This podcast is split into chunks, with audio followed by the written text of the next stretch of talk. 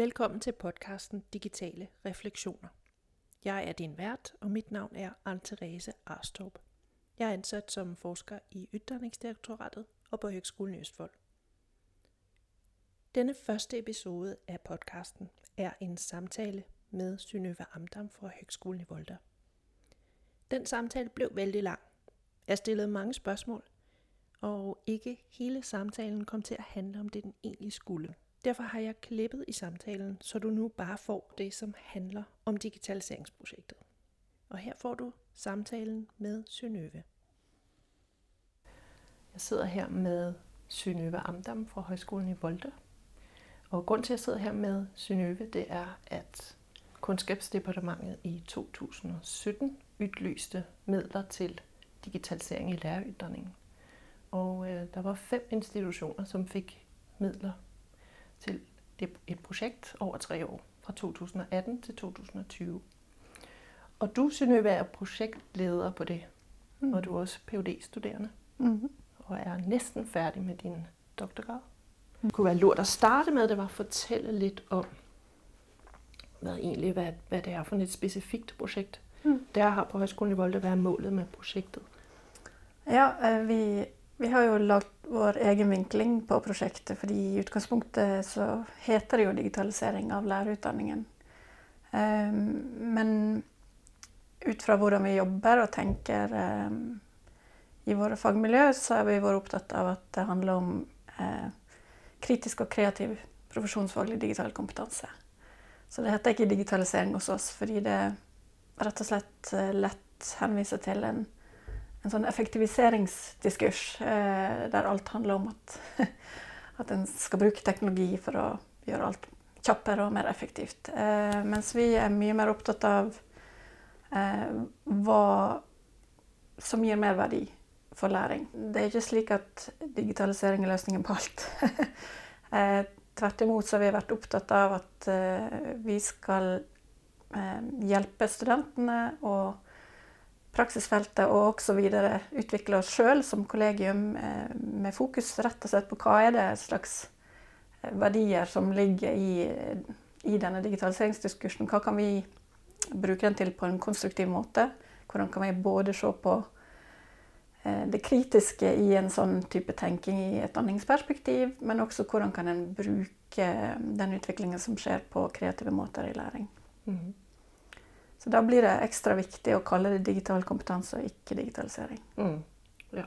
Og så kunne du si litt mer om hva målet med prosjektet er? Ja, ja vi arbeider da og I bestillingen i prosjektet så skal en jo jobbe både med, med, ansatte og studenter og praksisfeltet, så det gjør vi jo.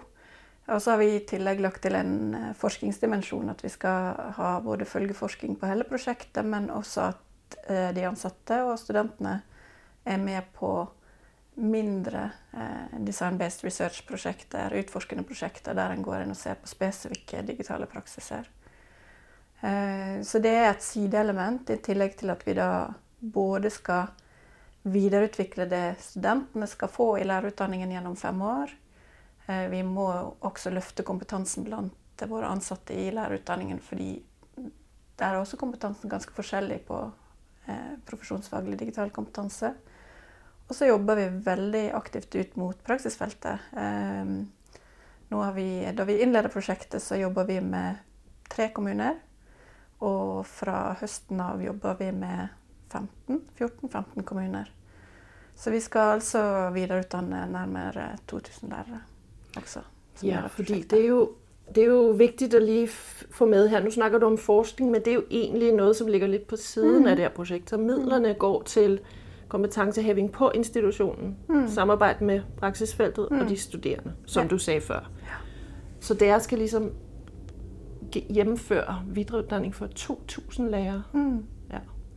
Samtidig med kompetencehæving på institutionen. Mm. Og bygge det ind i læreruddanningen. Ja. ja. Så det er jo det er, er komplekst og stort. Ja, det er komplekst. Og samtidig så handler det jo om å finne disse gode inngangene eh, og lage ja, læringsfakker, nærmest. Altså finne disse inngangene som, som, handler om eh, hva er det som trengs.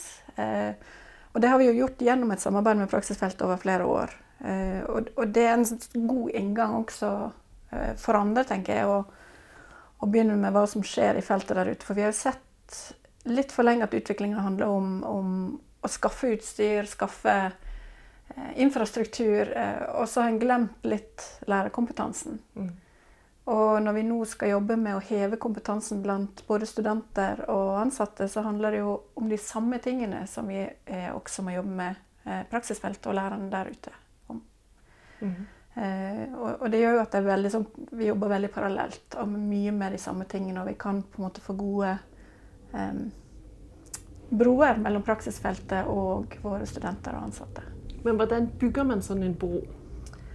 Nei, et eksempel er at vi, eh, vi har etablert uformelle møteplasser. Vi har funnet fram til ja, noe blir vel et torsdagsverksted, eh, der vi inviterer praksislærere inn til å fortelle om sin praksis. Der eh, våre lærere går. Og vi tenker vi skal åpne det opp mer etter hvert. At vi kan invitere inn alle fra, som vil fra praksisfeltet. Eh, så vi jobber på en måte med en sånn utviklingsfokus hele tiden for å finne disse her fellesarenaene. Så har vi jo selvsagt eh, eh, seminar sammen med praksisfeltet.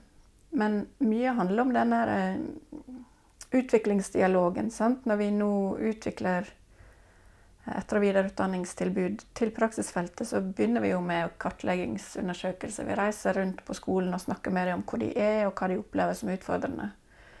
Og så tilfører jo vi vår eh, faglige bakgrunn. Fordi at, mm. det ser vi jo også at eh, det vil alltid være slik at praksisfeltet er veldig opptatt av dette her. Eh, her og nå trenger jeg kunnskap om dette verktøyet. Mm. Eh, men vi skal ikke være en verktøyleverandør, eh, på en måte. Vår jobb er å kontekstualisere og se sammenhenger og tenke metodisk. Mm som høyskole. Så det er jo det vi tenker at vi bidrar med inn i, i, det, i det, samarbeidet med praksisfeltet. De er opptatt av eh, eh, hvordan få tatt i bruk utstyret på best mulig måte og, og, og, slikt. Mens vi er også opptatt av, av ja, men hvorfor gjør vi det her? Mm. Hvorfor er dette viktig eller ikke viktig, og når mm. bør du ikke gjøre det? Mm. For det tenker jeg er en, en dimensjon som blir litt glemt ofte. at en... Eh, skal også være veldig bevisst på når eh, digitale verktøy ikke tilfører noe som helst. Tvert imot kan hemme læring. Mm. Ja. Men det her de, eh, torsdags verksted, altså hvordan, hvordan fungerer det sånn, sånn helt sånn lavpraktisk? Altså, er det noen der kommer inn og presenterer litt, eller er det ja. kafé, eller hvordan? Ja, nei, nei det, det, er helt sånn, ja, det er twist og kaffe. Ja. Men, eh, men poenget er at en skal ha en kort introduksjon fra noen som gjør et eller annet. Eh, sist nå så hadde vi da en lærer fra, fra videregående som kom og snakka om hvordan han bruker eh, AR- og VR-briller i undervisning. Mm. Kort introduksjon, og så skal en kunne teste og prøve ut og få hjelp. Og, mm. Så hovedpoenget er på en måte den mer praktiske biten. Og den møteplassen å kunne diskutere sammen. Mm. Så det er mer sånn, det er sånn verktøysdelen av det? Ja, det er et lite, det er et lite tiltak. Ja. Men så har vi jo mye mer sånn formelle arenaer for mm. samarbeid, også med praksislærerseminarer osv. Og, mm. uh, og som sagt den her mer sånn oppsøkende at vi reiser ut og, og både gjør intervju og observasjon og også spørreskjema til mm. lærerne om for å lage, for å utvikle tilbud. Og jobbe tett med ledelsen både i kommunen og på skolene. Mm. Så det er jo eh, en del av det vi også utvikler seg tenker andre kan ha nytte av. da. Mm. Um, det å finne liksom de gode, gode samarbeidsformene med praksisfeltet mm. for å jobbe systematisk. Men i det her prosjektet er det vel liksom Der er samarbeidet formalisert, og det er vel også øh, altså der er noen timer involvert, noen arbeidstimer også, ikke? Mm. Som, som de lærer får dekket, eller noe? Ja, hos oss har vi eh, eh, ikke et sånt altså Med praksisfeltet har vi ikke hatt noe sånn at vi eh, eh på en måte henta inn lærerne systematisk. Eh, jeg vet Noen andre prosjekter så har de sånn delte stillinger, f.eks. Det har ikke vi. vi har ressurser til å hente inn lærere på timebasis, så da blir det litt sånn friere. At det er ikke sånn at det er fire eller fem lærere som har 20 stilling, eller noe sånt, men at vi bruker kontaktnettet vårt og praksisfeltet og henter inn eh, de som jobber med spesifikke ting som vi ser vi kan samarbeide om. Mm. Og, og, vi ser jo allerede noen områder. Da, så det som har vært viktig for oss, og det er kanskje en fordel med å være et, eh, en liten høyskole, det er at vi prøver å involvere Vi tar utgangspunkt i fagmiljøene sine egne utviklingsplaner. Og det de ser opp mot fagfornyelsen, blir viktig. Og hvordan eh, digitale metodikker kan støtte opp om, og verktøy kan støtte opp om eh, det som skal skje i fagfornyelsen. Og dermed så har eh, Det første vi gjorde, og som jeg tror var viktig for prosjektet, det var at uh, hvert fagmiljø, som da har en egen fagutviklingsgruppe altså Fagmiljøene hos oss har egen ressurs. De, har, um, de som er med i prosjektet, har, uh, har stilling. Uh, hvert fagmiljø har 30% stilling knyttet til prosjektet. Altså én person? Nei. Helst ikke én person. Nei. Helst to, helst tre, faktisk, har vi bedt om. Fordi det er noe med at en må ha noen å diskutere med, og så er det slik at ja, periode så er man mer tilgjengelig og ikke, og så ønsker en å tenke utover prosjektslutt. Altså Hvis det er tre personer som har vært involvert, så er det større sjanse for at en klarer å involvere alle mm. enn hvis det bare er en person. Mindre sårbar, da. Ja, mm. ja og så er det denne ildsjelproblematikken syns jeg alltid er vanskelig. Altså Hvis det er én som brenner, så kan en brenne fort ut. Mm. Um, men en tre som fordeler litt og kan ta litt ulik rolle i, i, gjennom et prosjekt, treårig prosjekt, så betyr det også at en har større overlevelse, mm. tenker vi da. Så, um, så, disse fagutviklingsgruppene har på en måte vært basisen for hele prosjektet hos oss. da. Selv om jeg er prosjektleder, så er jeg mer sånn koordinerende prosjektleder. Og det første um, disse fagutviklingsgruppene har gjort, er å lage sin egen utviklingsplan for prosjektet. Mm. Altså hva de skal jobbe med, og hvordan de skal utvikle sitt fag eh, på det digitale området. Og hvilke interesser og områder de vil fordype seg i, hva de vil forske på osv. Kan du si litt om noen ting der som du tenker er ja. interessante? Ja, altså det, det, ene er jo at Programmering kommer jo inn i, i fagfornyelsen nå. Eh, I mange fag, eller iallfall i første utkast nå. Det er sikkert mm. litt annerledes nå i andre runde. Men det betyr at faktisk nesten alle fagmiljøer har lyst til å jobbe med det som noe de vil fordype seg i. Og, og, da kan vi hente inn folk som jobber mye med det, og ha spesifikke seminar. Nå har vi nettopp hatt et eh, matematikkseminar i samarbeid med Høgskolen i Østfold. Mm. Der vi har invitert inn de som jobber med matematikkfaget i lærerutdanning, til å ja, presentere for hverandre, jobbe, ha verksted med fokus på programmering i to dager. Mm. Men vi jobber også med f.eks. Ja, det blir nye typer tverrfaglige samarbeid. Sant? Når det vel kroppsøving og samfunnsfag og naturfag har funnet hverandre i dette med datalogging og datamåling. Mm. Eh, og hvordan kan det brukes både naturfag, samfunnsfag og i bevegelse osv. Så, videre. eh, så er det dette med AR og VR, eh, som egentlig alle fagene i lærerutdanningen har gjerne vil utforske som muligheter. Og så har vi dette med bruk av læringsfilm. Eller undervisningsfilm. Alt avhengig av hvordan jeg mm. bruker det, selvfølgelig. Eh, og det å mm, Nå jobber jeg jo på avdeling for mediefag, så vi har jo et veldig sterkt eh, miljø på både film og journalistikk osv. Så, videre. så vi tenker at det blir noe vi også skal fordype oss i. Hvordan ja, intervjuteknikk Eh, hva er gode formater for ulike typer film? Hvordan kan vi tenke film som del av ulike læringsopplegg osv. Så, så, det er, så her er mange sånne små litt sånn knoppskyting ut fra faglige interesser. Digital fortelling er også et sånt område der vi ser mange har lyst til å fordype seg og tenke ulike tilnærminger til det osv. Så, videre. så det Én ting er på en måte at prosjektet har noen overordna mål, men samtidig det å, å få bygd det nedenfra med utgangspunkt i det fagmiljøene er interessert i, mm. er også viktig, tenker jeg. Ja, vel også hvis det skal leve utover den tid som uh, prosjektet nå varer. Mm. At det liksom setter noen spor og, um, ja, som kan vare ved. Ja, Det har også vært viktig for oss. Nå har vi valgt en, en, organisering der vi på en måte har en arbeidsgruppe i midten som egentlig uh, består av meg pluss eh, studieleder pluss den som er etter- og videreutdanningsansvarlig. Vi er på en måte den operative arbeidsgruppen som skal eh, få gjort det fagmiljøene vil at vi skal gjøre.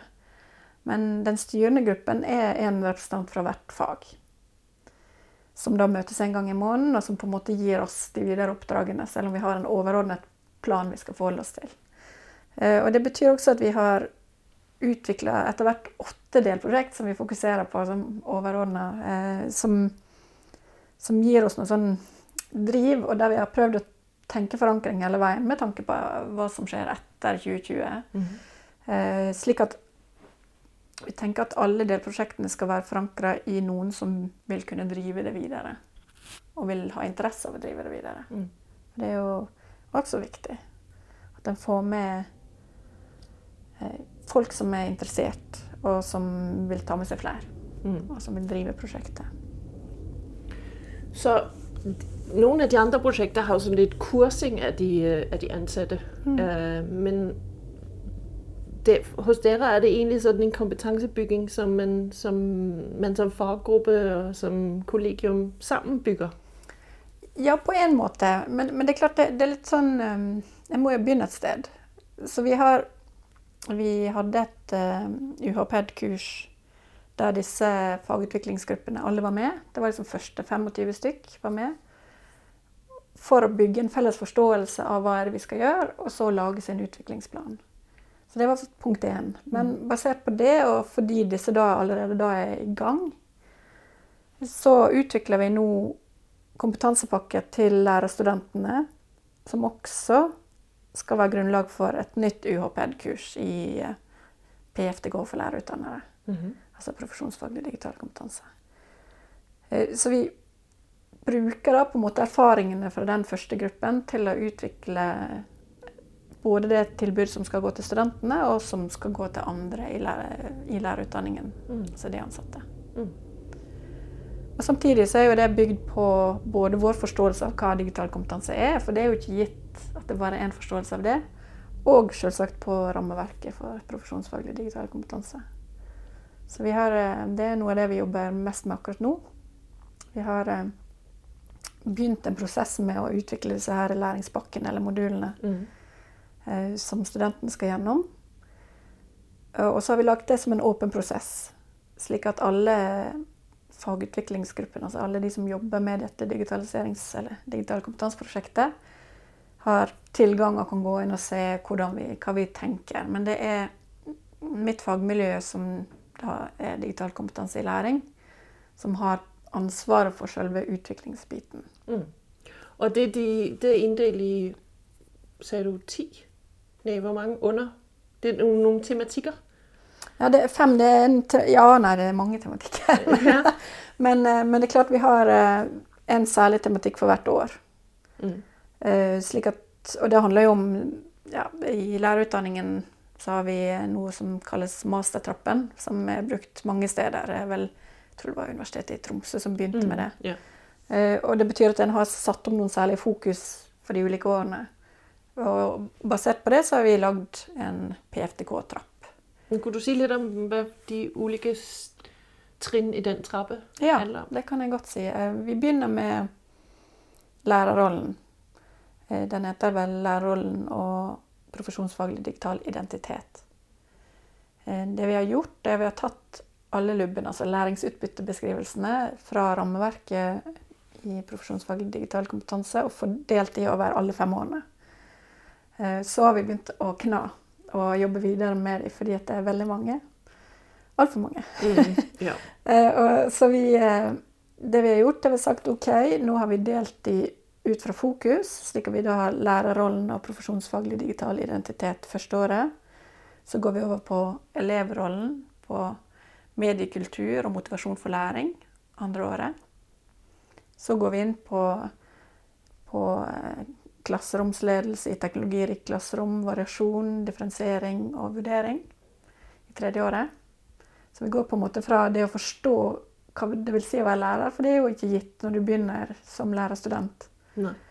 Så, så må en også bli bevisst på at det har en digital tilleggsdimensjon, det å være lærer. Sånn plutselig du har hatt en digital identitet som privatperson i hele ditt liv, og plutselig så skal du også ha en profesjonell Mm. identitet. Mm.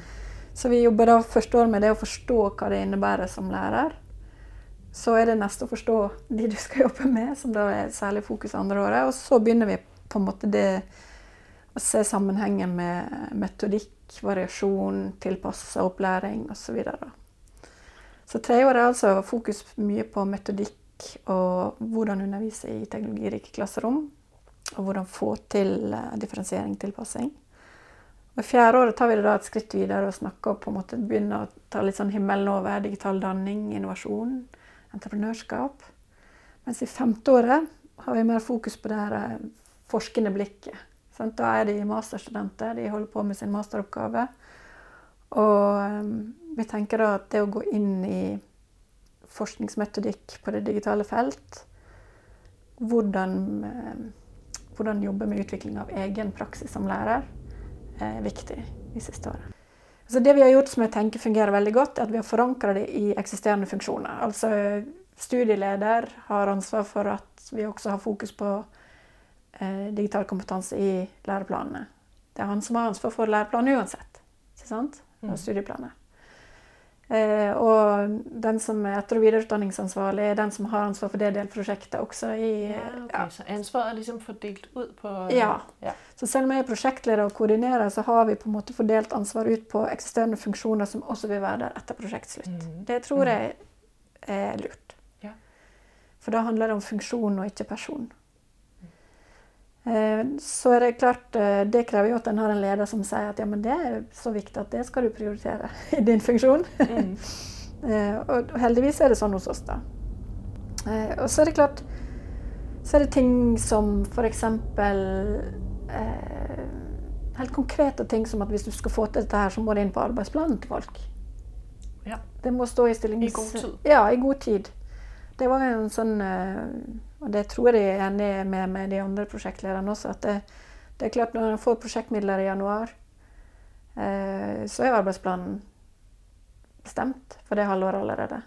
Så da blir det jo Det vil jo ikke ha gått frem at en får tid til å jobbe med det. Sant? Så det, det å begynne med en gang da med å, å jobbe med hvordan får en dette inn i folks Altså at folk får tid til det. Sant? det. Tid er jo alltid avgjørende i alle typer prosjekt.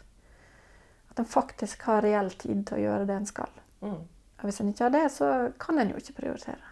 Det jeg håper, altså som jeg tror eh, var et lurt trekk hos oss, var dette med, med at de skulle lage sine egne utviklingsplaner. For hvordan de ville involvere resten av fagmiljøene sine også.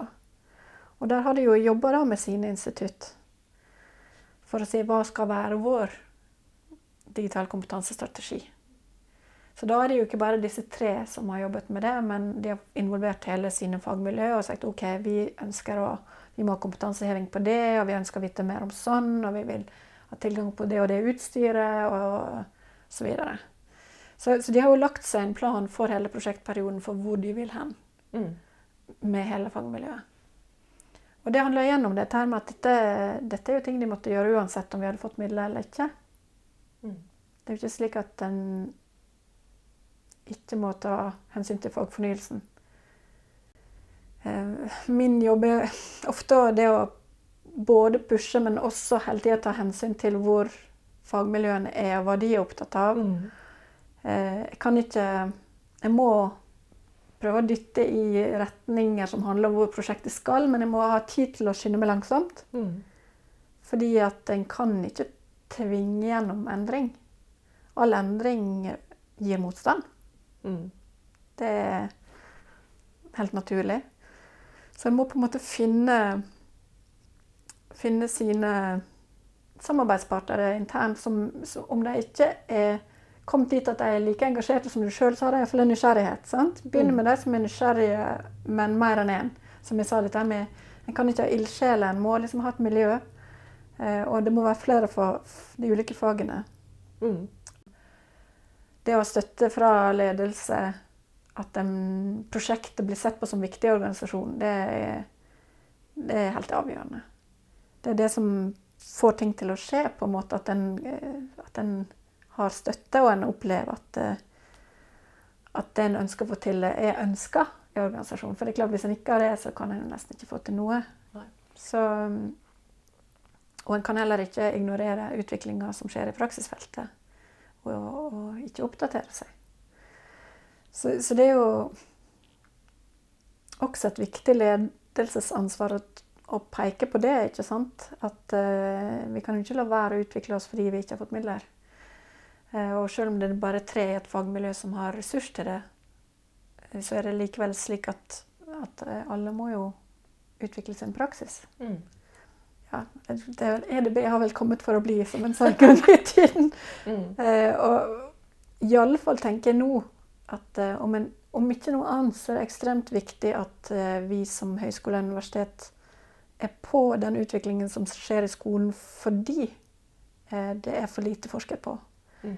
Vi vet for lite om konsekvensene eh, for barn og unge eh, av den utviklingen som skjer i skolen. Og den skjer plutselig i løpet av de siste tre-fire år, vil jeg si, veldig mye fortere enn det har skjedd Mm. før. Mm. Og da, om ikke da høyskole og universitet er på både med kritiske og kreative blikk, holdt jeg på å si, så, så, um, så er det litt, nesten litt uansvarlig, tenker jeg. Ja, for det er jo det her blikk du snakket om i begynnelsen med at supplere det her litt mer fokus på bruk, kanskje, Mm, hos skolen, og verktøysperspektivet, Mm. som jeg bruker å kalle det. Og så komme med sådan et, et litt annet, litt mer kritisk, litt, Mm. kanskje litt metaperspektiv Mm. på samfunn, teknologi, undervisning og læring. Ja. Um, og supplere det skolene har. Og så tenker jeg også at uh, vi må jo også ha noen, noen De nye lærere som blir utdannet, må Mm. jo også kunne noe her. Vi kan jo ikke fortsette med å ha um, nyuddannede lærere, som øh, den undersøkelse Center for IKT lagde i øh, 2013 sagde, at de, Mm. de måtte lære seg det selv. Mm. At det var ikke på lærerutdanningen de lærte det digitale. Nei, og det er akkurat den Det er på en måte litt i det spennet vi står nå, fordi at så blir også spørsmålet hvor mye fokus skal vi ha? Mm. Yeah. Og hvor mye utstyr skal vi ha yeah. som institusjon? Fordi det, det er jo ikke slik at alle skolene har valgt én løsning. Eh, skal da lærerstudentene har, har, møtt alle typer løsninger i lærerutdanningen, så blir det vanvittig pengesluk. Mm. Eh, og det kan vi heller ikke. Sant? Så det der, eh, da blir samarbeidet med praksisfeltet ekstremt viktig. Sant? Hva, hvordan deler vi på ansvaret, hvordan sørger vi for at lærerstudentene kommer ut med, med en kompetanse som er eh, på en måte gyldig, eh, uansett hvor de skal. Mm. Og da handler det jo mer om å lære seg prinsipper og forståelser og vurderingskriterier og metodikker Mm. enn spesifikk programvare. Mm. Øh, og, og det siste jeg har lyst til å spørre også, var, om du hadde noen, noen gode råd. Du har jo vært inne på litt øh, hva andre kunne gjøre, eller hva Mm. man kunne lære det her, men, men de ting kunne jeg godt tenke meg å bli snakket om. Ja. Ja, og, og det er jo em, Jeg tenker jo nå, nå har vi holdt på i ett og et halvt år ca., så vi er midtveis i prosjektet. Og det jeg tenker som helt sånn avgjørende i prosjektet, er den, det at en har fått med seg flere, fått med seg mange, at en har klart å forankre det i organisasjonen, og at vi er på en måte en, en hel gruppe som er opptatt av dette her nå. Begynte kanskje, kanskje med noen få, men så har det at vi har jobba spesifikt med å med de som kunne ha en liten interesse. Mm. Ikke nødvendigvis eh, bare ildsjelene, som jeg sa, men, men å, å få med flere fra flere fagmiljø, så de også har noen å spille på og diskutere med, tenker jeg er ganske avgjørende. Ja, så det, det er ikke bare ildsjel. Det, det handler handler også om nei. å, forankre det bedre. Ja. Mm. Ja, så det er klart, Ideelt sett så hadde en jo fått med alle. Mm. Når, vi, når vi jobber med etter- og videreutdanning med kommunene, så, har, så er det jo skoleutvikling vi driver med. Da er det alle skal med. Eh, og så er jo spørsmålet er det realistisk å få til i et sånt type prosjekt. Eh, og der vil en helt sikkert ha valgt ulike innganger i de ulike prosjektene. Og jeg syns det er utrolig spennende å se hva det fører til. ikke sant? Vi har valgt en, eh, en tilnærming der vi har sagt ok, alle fagmiljø skal være med, men ikke alle i alle fagmiljøer. Vi begynner med en gruppe først, og så får vi flere og flere med etter hvert. Eh, og det kan godt hende at det viser seg at det hadde vært lurere å få med enda flere. Men det vi ser, er at det at vi har på en måte disse to til tre personene som på en måte blir eh, utviklingsfremmere i sine fagmiljø, og har hverandre, det er en sånn typisk fremmer Mhm. I eh, fagmiljøet. Og så kan en selvsagt finne hemmere i alle fagmiljøer, da. Mm. eh, Fordi en vil selvsagt, Og det er fullt forståelig og naturlig at det også er mange som er kritiske til at dette skal ta plass. Hvorfor er dette viktig? Mm. Allerede da vi søkte, så tenkte vi jo at dette må vi gjøre uansett. Eh, og det å, å begynne med å se på hva er det vi har, prøve å tenke gjennom ja, hva, er det, hva er det vi har støtt for organisasjonen å gjøre? Hvem er det som kunne være interessert i å være med på dette her? Eh, ta det opp på ledelsesnivå og sørge for at en får en forankring tenker jeg er en god start. fordi det er klart Hvis en får med seg sentrale personer, eh, så er det også helt andre muligheter for å, for å tenke både at noen vil være interessert i å bruke tid og penger på det. Eh, og så handler det jo også om dette med å, å ja, begynne med det en har. Altså begynne med ja, hvor er vi, hva er det vi har, hva kan vi på en måte framheve som å videreutvikle av ting som er på gang. Mm. Eh, Det trenger ikke å bli så stort med en gang. Altså, det er litt igjen det der som å skynde seg langsomt, tenker jeg. Og ikke bli for utålmodig, da. Iallfall min erfaring at uh, jeg får til langt mer med tålmodighet. Så det, er det noe med sånn litt å starte i et hjørne, og så... Øh, og så ja, nøste litt i de Ja. ulike trådene. Se Oi, ja, men der er jo noe der som vi Hvis vi snakker sant? Altså, hvis, Ja. det høres jo banalt ut hvis vi bare snakker sammen, men eh, Ja. Men noe med å se koblingene, så, ja. Fordi øh, en ting er å snakke sammen, men noe med å liksom, øh, kunne se, hvor det er, vi kan Mm. møtes, og hva det Mm. er. Hvis du og jeg sammen, kunne vi så ikke... Ja, og det, og det syns jeg jo er blitt veldig spennende med dette prosjektet, og, og som jeg tror kunne ha skjedd også uten prosjektet. Nemlig det at vi, eh, ved at vi på en måte erklærer at vi er opptatt av noe, så kommer på en måte folk som har interesser, også sammen. eh, Og begynner å diskutere hva en kan få til. Og, det tenker jeg Ja, det, det er på en måte den lavterskelinngangen. Begynn med disse tingene som en ser kan koble sammen, som du sier. ikke sant? Som vi kan eh, og Bare det at den blir en ressursgruppe, at den er flere personer og, og begynner å diskutere fra ulike Fra både administrasjon og fra faglig hold og ledelseshold, så, så vil jo ting kunne rulle i gang, rett og slett. Men en må, må bare være litt eh, Ja. Både litt sånn pågående, men samtidig tålmodig. Så øh, tusind tak, fordi du vil være med, Synøve, og fortælle om, øh, om det projekt, der har gang i, og jeg er sikker på, at vi er mange, som glæder os til at, at følge det det sidste halvandet år, og se, mm. øh, hvad der egentlig kommer ud af det. Mm. Så tak. Tak for en god prat. Du kan læse mere om de fem institutioners digitaliseringsprojekter på ydir.no-digital-kompetence.